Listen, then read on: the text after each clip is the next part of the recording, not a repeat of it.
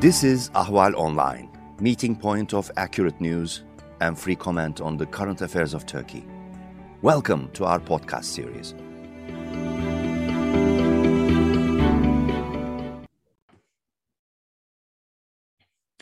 Hello, my name is Nicholas Morgan. I'm an editor at Ahval News, and this is Turkey Abroad. I'm happy to welcome back with me today Caroline Rose. She is a senior analyst and program head at the Power Vacuums program at the New Lines Institute for Strategy and Policy in Washington, D.C. Caroline, thanks for taking the time to join me again today. Thanks so much for having me, Nick. The question, the question I want to start asking you is about the what we're seeing as um, interactions restarting between Turkey and the United Emirates, but also Turkey's relationship with Qatar. But before we go into the two of those, I'd like to ask you about what might be the elephant in the room, and that's namely what impact the U.S. withdrawal from Afghanistan might be having on the relationship Turkey Turkey has with these Gulf monarchies, like whether it's influencing any convergence with Qatar or any de-escalation with the UAE. What are your thoughts? Yeah, no, that's that's a, such an important question, and I think when we talk about the withdrawal in Afghanistan, we don't really think about the uh, you know outside and other regional. Uh, ramifications and implications that it's going to have specifically in the Middle East. We talk about Asia, we talk about Central Asia, South Asia, but we don't necessarily talk about the Middle East, the Gulf specifically, and particularly Turkey's foreign policy. And I think that, like Afghanistan, uh, I think we'll have the same discussion with Iraq and Syria, where inevitable US drawdowns, they are changing the calculation within our, in Ankara. They're also changing the calculations within, uh, you know, the UAE, within uh, Saudi Arabia, other Gulf powers. And they're also bringing together a lot of these former rivals and competitors, realigning themselves to create new alliance structures in the region in the wake of US withdrawal and in that absence to fill this void. And the reason because of this is because I think that they're, they're looking at the withdrawal in Afghanistan as a signal that this is where US policy is headed. Uh, we're going to see similar policies implemented, uh, you know, in, in Iraq and Syria within the next few years, likely with this administration. And I think that, uh, you know, with Turkey, both Turkey and the UAE and its GCC allies, they're recognizing that while the United States will support them financially, financially, um, uh, militarily, to an extent, they're going to have a lessened role and they're intending on having a, a more uh, distanced role in the Middle East. And on security matters, on economic matters, the United States, you cannot necessarily count on it as it pivots towards great power competition. And so for, for Erdogan, for uh, MBZ, for a number of other leaders, they are scrambling to realign their foreign policies in the wake of this, because the one power, the one competitor that they are worried about above all else is going to be Iran. Um, essentially, they are feeling, you know, empathetic if you know if we apply empathetic analysis to this they feel like the united states is leaving them alone in a room with tehran um, and tehran's proxy networks that are trying to you know create this regional strategy and, and this uh, and this access in the eastern mediterranean. And so turkey with you know knowing this and you know that this is going to be a reality turkey and uh, many of its former rivals are starting to feel out how cooperation could take place how financial uh, relationships could be resumed what spaces for political cooperation and even security cooperation are there, uh, knowing that the United States is going to continue to reduce its presence in the Middle East. Between the, two, the Gulf countries that we're going to be talking about today, I want to I want to ask more about the UAE, of course, because of the developments we saw in that direction. But just before we go into that, I want to ask you something about Qatar because like many other countries around the world, Turkey appears to be relying very heavily on Qatar to facilitate some access to Afghanistan, especially when it comes to Kabul's international airport. As you as you know, Turkey was looking for a security role that would outlast the U.S. withdrawal from Afghanistan, and it has been up in the air since that happened. and it's unclear what form that mission will take, despite some fragmentary reports we're getting that hint in some some policy still existing, some policy ambition still existing there. But the, they seem to be working almost hand in glove with the Qataris right now. And the, what I want to ask you is do you think that Turkey and Qatar, in the case of Afghanistan, actually share the same goals with their engagement? Or, they, or do they have separate ones that just happen to be complementary in this case? I think that they have very similar goals. And on top of that, I think it's in some cases, it's a bit too early to tell just because right now with now a Talibanized Kabul, Talibanized government in Afghanistan, um, we're trying to see where the chips are going to fall. Certainly, with um, you know how governments are going to approach recognition, credibility, legitimacy of the, of the government there.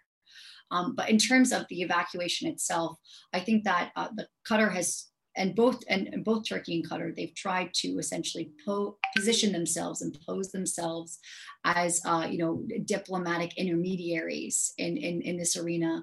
Also try and you know increase support, increase um, humanitarian assistance, and try and position themselves as leaders in this arena that can not only, of course, gain the respect and recognition from the United States, but also other NATO allies as well.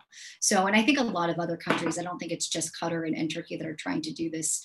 Um, you know, a number of other countries, whether it be evacuation, um, you know, plans and, and sending over commercial airlines and, and, and planes or you know using uh, non-governmental organizations and and some of their own governmental uh, you know tools to essentially help with the evacuations help with humanitarian assistance and whatnot. And so really afghanistan is posing you know it's becoming somewhat of an arena for this kind of diplomatic competition to try and determine you know who you know what countries are going to be the regional powers that are going to compete in central asia uh, you know, whose backyard is it? Uh, you know, what kind of influence are they going to be able to leverage against or um, along with the Taliban?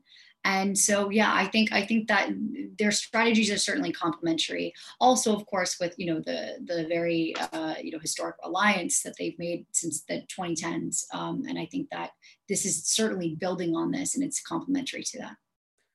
And this is coming almost at something of a zenith in the relationship between the two of them after all because i know that you, you and i have spoken about turkey's relationship with qatar in the past. And qatar of course was very reliant on turkey during the four year blockade that began in 2017 and ended at the beginning of this year. But of course turkey turkey relies on qatar too whether it was for financial support for its own economy or even interventions in libya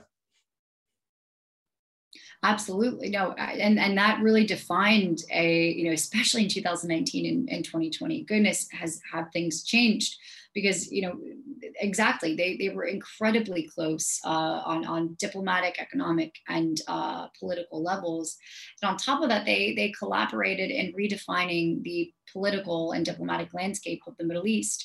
They essentially this this partnership reconfigured a lot of alliance systems. It strengthened you know the eastern mediterranean gas forum in the mediterranean. Um, it defined a lot of the uh, leverage and, and political uh, processes in, in, in, Libya and Syria, even in Somalia. And so, yes, I mean, this is absolutely building upon that pre existing relationship. But now, of course, and I'm sure you're going to ask a few questions about this, and we'll touch upon this. But um, now, other and, and former rivals and potential partners are coming into the fold, and uh, you know it's going to be really interesting to see how Ankara uh, and and you know Qatar how they how they essentially balance this relationship in the context of now opening up a bit more to uh, to these other countries.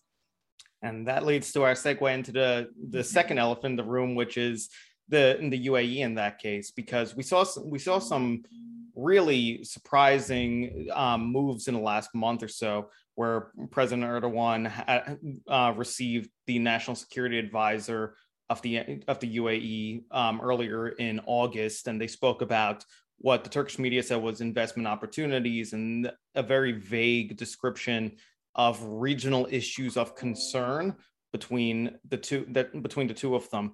And that ended up appearing to facilitate a call between Erdogan and Crown Prince Mohammed bin Zayed MBZ not long afterwards. And I think that in the last decade or so, so you've had very few relationships as frosty and competitive as Turkey's and the United Arab Emirates. So what I want to ask you is, what do you think changed? How how has everything that's been happening in the last year or even decade altered this led us to this point where the threat perceptions that the two seem to have of each other appear to be lessening um, great question. And i think a lot for a lot of uh, folks that have been following the region uh, you know in, in 2020 and 2019 it was if you were looking at the region every day you would wake up expecting there to be some sort of uh, you know incident between the united arab emirates turkey qatar greece. Um, and you know turkish behavior was a lot different than you were very used to news stories about you know turkish uh, maritime vessels getting into some sort of clash, uh, you know, with with uh, with rivals in the Eastern Mediterranean, or something going down in Libya, um, or you know, a spat over Somalia or Syria. And now it's become a lot quiet. You've seen a lot more uh, moderated behavior between uh, among among uh, Erdogan's government and its officials. Um, same with uh, media outlets, and and the same, of course, with the UAE and, and Egypt as well. Um, and it, you know, while par- parallel to all of this, of course, while uh, you know Turkey is of course opening up ties with the UAE, it's also opening up ties with Egypt. They just had uh, you know a delegation visit Ankara, and they, and they had this uh, very important first track direct um, uh, dialogue, which hasn't happened since I believe 2013. So, uh, you know, it, it, it's very much opening up uh, between Turkey, the UAE, and some of its former rival, rivals in the Middle East. What I think incentivized Turkey to do this, and same goes for the UAE. I think that that certainly there is an economic imperative. I think that uh, you know the the behavior of uh, trying to push the limit with, uh, you know, with, with a lot of its rivals in the Mediterranean and its competitors in the region. I think that it, it really economically isolated them. Of course, you had the Saudi Arabian boycott on, on Turkish goods. It's still, it's still ongoing. Um, and a lot of GCC uh, countries followed in, in, you know, raising tensions and hostilities with Turkey. And I think that it, of course, at the time where the lira is at such a low and weak point, and on top of that, inflation is up as you know 19% in the country. Uh, Turkey is looking for some economic ways out. Uh, ways, you know, financial lifelines, other than, of course, having Qatar bail it, bail it out consecutively, particularly with foreign reserves. Uh, so I think that Uh, economics certainly factors in as one of the first reasons. I think, secondly, too, Turkey recognized that its previous strategy of trying to push the limit was not working, and it was also intensifying and, in some cases, converging other regional alliance systems to rally against it when it recognized that there's actually some shared space and some shared interests that it can collaborate on, especially in the wake of US withdrawal. So, you know, in 2020, especially, you started to see not only the Eastern Mediterranean Gas Forum, which included a lot of Southern European countries, Cyprus, Greece, uh, you know, Egypt, and uh, a number of other Mediterranean countries that were essentially trying to build a consensus and build up and, and position itself against Turkish moves there. Uh, you also started to see collaboration um, both in the defense sphere and in the political and economic sphere between GCC countries, Saudi Arabia, the United Arab Emirates, other Gulf rivals of Turkey. And you started to see the EMGF and the GCC lines converge and become a bit more blurred. And I think that certainly caused concern in Ankara because while they were competing in the Eastern Mediterranean with uh, indigenous and, and, and, neighbors there. They had the Gulf over here, but when the lines became blurred, I think that that caused uh, you know them to really change tack. And as I mentioned before, I think the U.S. withdrawal certainly is raising fears about Iranian activity. Proxy networks that it sponsors in the region. Um, you know, certainly Turkey, while sometimes it can have somewhat of a collaborative uh, relationship, it's not a productive relationship at all. And it recognized that there are a lot of limits to this. And certainly Gulf countries, uh, you know, their, their line has been very clear on how they perceive and how they interact with Iran. So they recognize that they're, they're going to need Turkey, uh, at least in a limited capacity, to counter Iranian aggression, to counter Iranian efforts. And I think that this also explains, and we're not talking about this today, but this also explains to an extent the Abraham Accords as well, um, trying to, of course, see what spaces are possible to cooperate with Israel on. And so, uh, you know, this certainly it's it's it's we're starting to see the the sand shift a bit more in the region in terms of alliance systems. That what we're seeing between Turkey and the United Arab Emirates is the establishment of guard guardrails, so to speak, to prevent this relationship from really spiraling further. Because in terms of their foreign policy outlooks, from what I can tell, President Erdogan has not abandoned his support for political Islamism or Muslim Brotherhood linked groups in the region. And the United Arab Emirates has not dropped its opposition to these groups either. What do you think? I think that's a great question. I think that uh, again, I think Turkey recognized that its strategy wasn't working. Its economy, you know, had a lot of uh, constraints to the strategy that it was trying to pursue.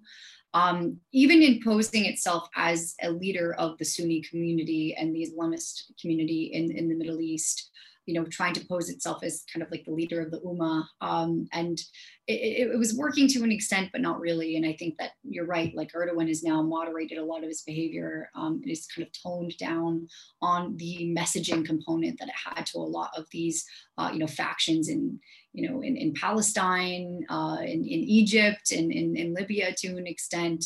And I think that we're seeing, you know, certainly a shifted behavior there. That being said, I do think that there are constraints to this emerging UAE and Turkish relationship. One of the reasons why this was costly in the first place was because the UAE was a such a lucrative destination for foreign direct investment, for trade. Um, they had a very flourishing uh, commercial partnership before ties really started to deteriorate. And so I think for Turkey and, and both the UAE as well, they're trying to stand up guardrails around an, a flourishing economic relationship, relationship first, then move on to the political and security elements. Uh, you're seeing the same thing happen, you know, of course, with the Abraham Accords. All with the Abraham Accords, it was all about um, you know, banks, interaction um, between financial sectors, investment, um, infrastructural investment, uh, commerce, things like that. And I think that you're going to see the same thing with Turkey. Um, because that's where Turkey is the most interested in opening its doors. Uh, Turkey certainly needs it right now with the economy the way it is and on top of that too they understand that that is uh, you know the the door or the window where they can then uh, try and set an understanding for what political and security cooperation would look like problem of course is that while the tone and the uh, behavior has somewhat changed there's still very divergent ideological interests in play um, and I'm not necessarily sure if both states are going to be able to reconcile this. But especially as uh, the security situation in the landscape in the Middle East, particularly in Iraq, Lebanon, and Syria, as it grows a bit more hostile and the threat posed by Iranian backed groups and aligned groups there, it uh, as that threat becomes more amplified. I think that you know, it, Turkey and the UAE are going to be able to turn that page and put, uh, you know, some of the ideological rivalry behind them to counter this threat. Um, so, you know, in, in, many cases, that might trump, uh, you know, some of these concerns. But in the interim, when, uh, you know, a lot of these ideolo- ideologies are, are still very much embedded into their style of rule, their national interests, I, am not necessarily seeing, uh, you know, this race to political and defense cooperation. I don't think we're going to be seeing any joint exercises anytime soon. It's also important to remember that Greece, um, while certainly, you know, Greece is not going to be able to really stop this partnership from taking place, um, it is now going to feel a bit more isolated.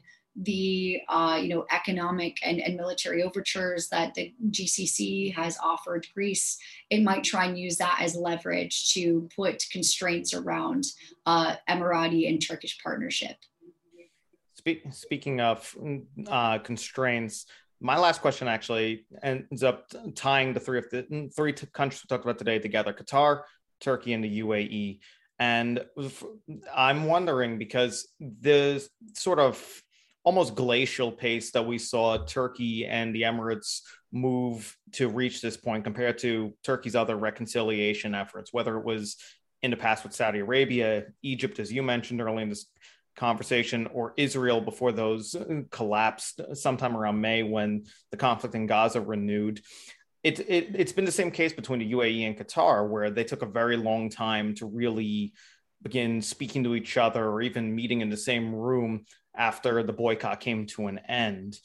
And right. I imagine I imagine that there might be some questions, of course, on all sides and like how, how this might influence the, the, the dynamics going on here.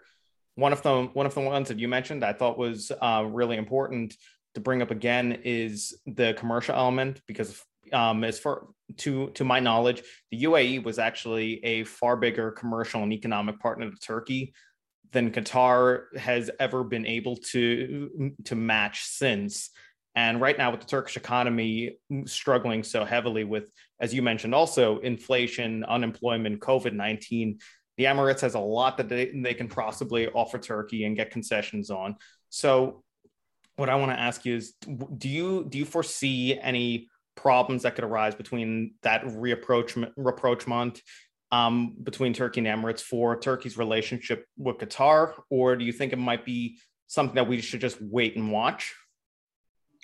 I think that yes, there there definitely could be wrenches thrown into you know these emerging ties, and I don't necessarily want to put this on the same plane as you know the Abraham Accords because they're they're very very different. But at the same time, I think it's a useful example of look at rapprochement between Gulf states and Israel, and then all of a sudden the you know the, the clashes in Gaza happened, and then that really froze progress that was made with the Abraham Accords, and you know according to national interest that was that was rightful just because you know two very ideological interests were being put in play and they then saw the constraints of that that partnership and the timing of that also very much mattered and so that's why you saw uh, you know a very um, significant pause in in in, that, in those ties mm-hmm. and i think that you know for for turkey and the UAE, i don't think they'll ever have a gaza moment so to speak but i certainly do see something for example um, you know if something were to happen in the eastern mediterranean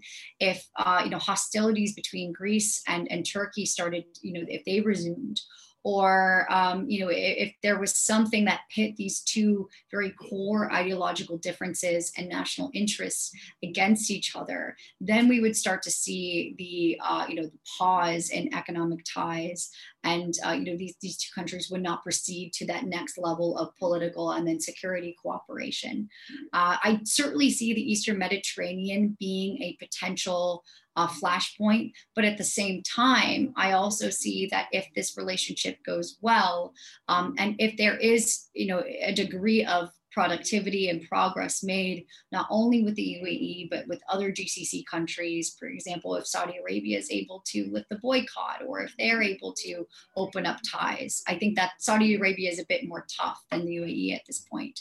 But if they're able to unlock cooperation in the GCC, it's also very possible that this could then seep into the Eastern Mediterranean and have a positive effect on Turkey and the very contentious Turkish and Greek relationship. Potentially, it could trickle into a political settlement over Cyprus or dialogue over Cyprus um, you know this this certainly has many different directions it can go to but at the same time one can still affect the other in a negative capacity as well. And uh, I, I, would just want to ask one last thing that came to my mind also. It's that any stability in to any continued stability between turkey and the united Emirate, arab emirates sorry about that would be contingent on relations probably between the uae or the gcc more broadly and qatar i imagine That as well. Yes, thank you. Thank you for bringing that up because that's also, uh, you know, another kind of uh, extra. I don't want to say necessarily say extra regional, but um, another component of this relationship that has the ability to either enhance or disrupt UAE Turkish ties. And uh, I think that certainly, if, if progress was, you know, stalled in the GCC rapprochement with Qatar, I think that that also certainly could affect Turkey because at the end of the day, you know the relationship the, the thriving relationship between qatar and turkey uh, you know turkey understands where its bread has been buttered so to speak over the past few years. While it was regionally isolated while it was undergoing going such economic strain and while it was also taking a lot of risks in the region um, and Qatar was was its its uh, its its main partner in all of this. So you know, I think that that certainly would, uh, I think, uh, realign Turkish interests very almost immediately if it ever came down to that. But I think because of that, the UAE and its partners, it's going to be a bit careful. Same goes with Egypt as well uh, I think they're going to be careful in approaching this to ensure that everything goes smoothly because you have the, the case of the of, of, of Gaza as you know a perfect example um, of how quickly political uh, tensions and hostility can disrupt economic cooperation. Caroline, it's always a pleasure to really have you back here on Turkey Abroad. So I'll take now to extend a future invitation to you next time any of these topics come up again. It would be my pleasure to have you back and get your thoughts. Absolutely. I'm happy to come on every anytime. Thanks so much for having for me, having me. well, pleasure's pleasure's all mine in any case. But we've reached the end of the program, and my name is Nicholas Morgan, and this is Turkey Abroad.